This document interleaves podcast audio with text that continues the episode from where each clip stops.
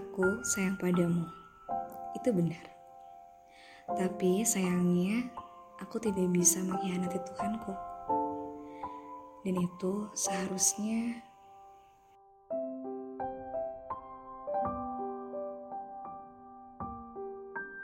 Hai to cheers, welcome back to Tushy episode.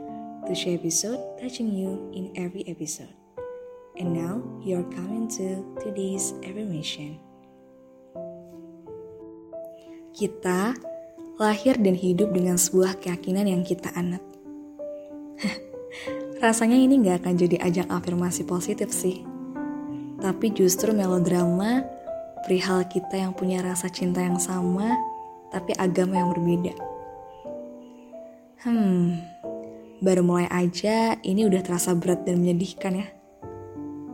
Karena banyak banget, aku yakin banyak banget jumlahnya orang-orang dengan kisah seperti ini. Entah mereka akhirnya memilih untuk merelakan atau melanjutkan dengan sepenuh hati. Tapi yang nanti akan kita bahas lebih kepada mereka yang tidak bisa saling menggenggam pada akhirnya. Jadi, kisah kalian ada di sisi yang mana? Wah, kalau kita bicarain soal perbedaan, sepertinya terasa menyenangkan ya. Karena kata orang nih, perbedaan itu justru satu hal yang paling menyempurnakan.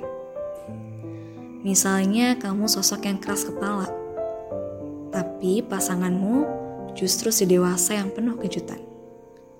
Jadi antara kamu dan dia nantinya akan saling melengkapi. Iya kan?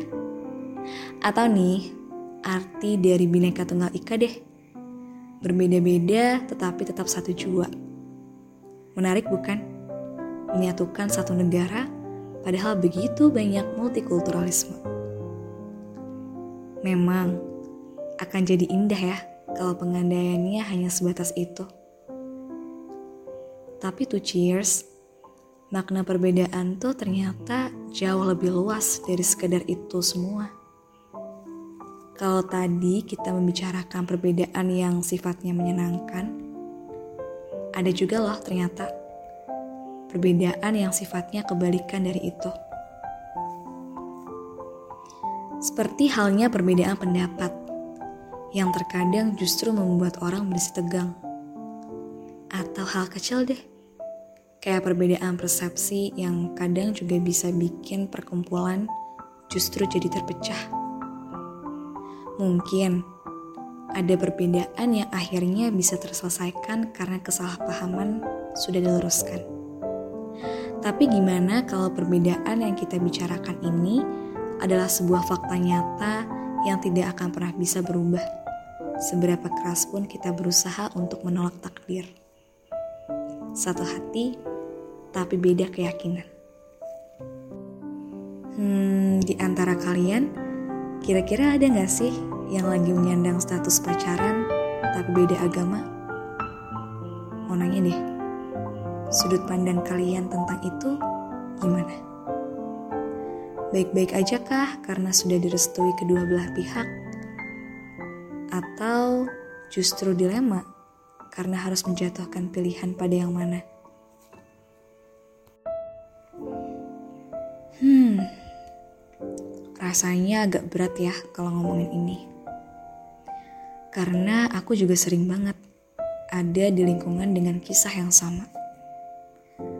Aku pernah bertemu dengan mereka yang kebingungan karena ada di posisi itu.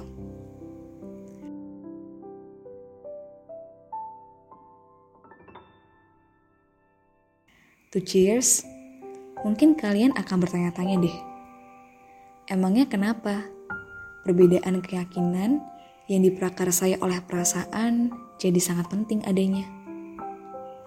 Toh, semakin dewasa, kita akan semakin bijak menentukan pilihan, bukan? Kenapa juga kita harus menyibukkan diri dengan pilihan yang justru kita tahu akan menyulitkan di masa depan? Nah, ini kembali lagi nih ke perbedaan persepsi tadi. Ada tuh cheers, ada kok. Di dunia ini ada sosok-sosok yang memilih untuk terjun dan merumitkan diri. memilih untuk terjebak dalam kisah cinta beda keyakinan. Lagi-lagi kita akan bahas kalimat klise bahwa kita nggak akan pernah tahu ke mana hati ini akhirnya berlabuh. Kita nggak akan pernah tahu. Mungkin nih di awal, saat sebuah kisah cinta rumit ini bermula, kita udah mewanti-wanti diri sendiri buat jangan sampai jatuh cinta. Duh, tapi emang dasar ya, kata jangan itu adalah kata yang berbahaya. Kita jadi beneran berenang di lautan cinta itu. Cinta yang awalnya udah kita coba hindari sekuat mungkin. Menyenangkan sekali bagi kalian yang memilih buat stop di awal. Memilih buat pergi sejauh-jauhnya. Tapi nggak semua orang berhasil ada yang setelah pergi jauh, justru kembali lagi. Dan bahkan, lebih banyak lagi mereka yang tidak berhasil untuk pergi. Mereka yang memilih untuk mencicipi kebahagiaan yang mereka tahu tidak akan pernah berakhir dengan kalimat happily ever after. Kita hidup dan besar di sebuah negara yang sila pertamanya adalah ketuhanan yang Maha Esa. Jadi, ada satu jurang yang curam yang mencegah kita untuk lompat ke sana kemari sesuka hati. Kita nggak bisa kayak gitu. Akan terasa lebih sulit untuk menyatukan kisah itu pada akhirnya kan? Setelah ini pun kamu nggak akan dapat jawaban apa pun. Karena kamu hadir di sini sebenarnya bukan untuk mencari jawaban kamu hadir buat mencoba meyakinkan diri. Apakah pilihan yang udah kamu tentukan itu benar atau salah? Iya kan?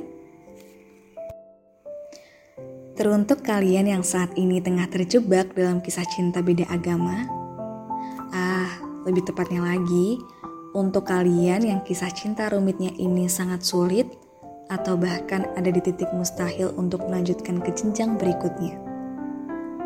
Pilihan hanya ada di diri kalian. Memilih untuk pergi atau menetap. Aku nggak pernah tahu sih akan sesakit apa ketika sama-sama sayang tapi memilih untuk pergi. Aku juga nggak pernah tahu akan serumit apa saat memilih untuk berjuang bersama nantinya. Tapi yang aku tahu, kamu harus tetap berdiri tegak kamu memang wajar memikirkan semua aspek dari hidupmu sebelum menentukan pilihan. Karena pilihan ini nantinya bukan cuma sekedar kisah cinta dalam novel yang bisa ditulis sesuka hati oleh sang penulis. Akan ada begitu banyak hal yang berubah saat kamu sudah menentukan pilihan. Coba bayangkan kalau kamu ada di posisi yang sudah kamu pilih Kira-kira kamu bahagia gak ya?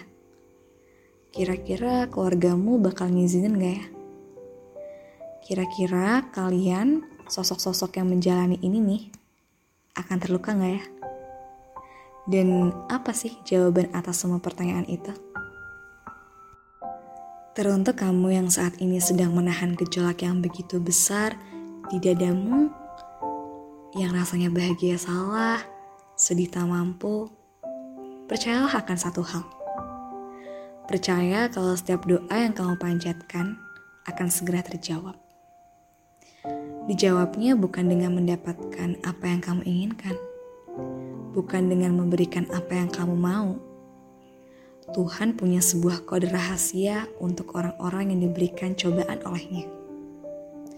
Ia akan memberikanmu apa yang kamu butuhkan. Melalui bisikan sang angin malam, bau petrichor tanah basah, atau dengan tenggelamnya lembayung senja.